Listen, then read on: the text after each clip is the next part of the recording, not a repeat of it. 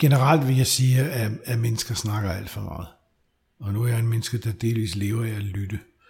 Så man skal prøve at høre, hvad det er, folk egentlig siger, og forsøger på at sige.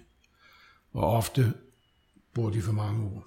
Ikke det, jeg mener, at man nødvendigvis kan opnå en præcision ved at, ved at være fuldkommen øh, simpel i sine udtryk.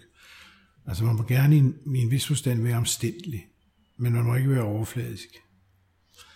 Øh, og hvis mennesker generelt tænkte over, hvorfor de sagde det, de sagde, og hvorfor de i det hele taget talte, så ville der kunne udvikles en anden slags praksis, tror jeg, for samtale. Hvor stillheden jo også hører hjemme som pauser. Altså der skal være et stærkt mod til, til at holde en pause. Ikke? Der skal et vist mod til ikke at svare. Det kræver også autoritet og indimellem magt.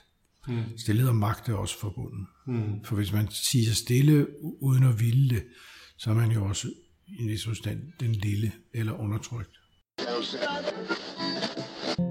Du lytter til 10 Stille, en podcast om stillhed og ledelse i et støjende erhvervsliv.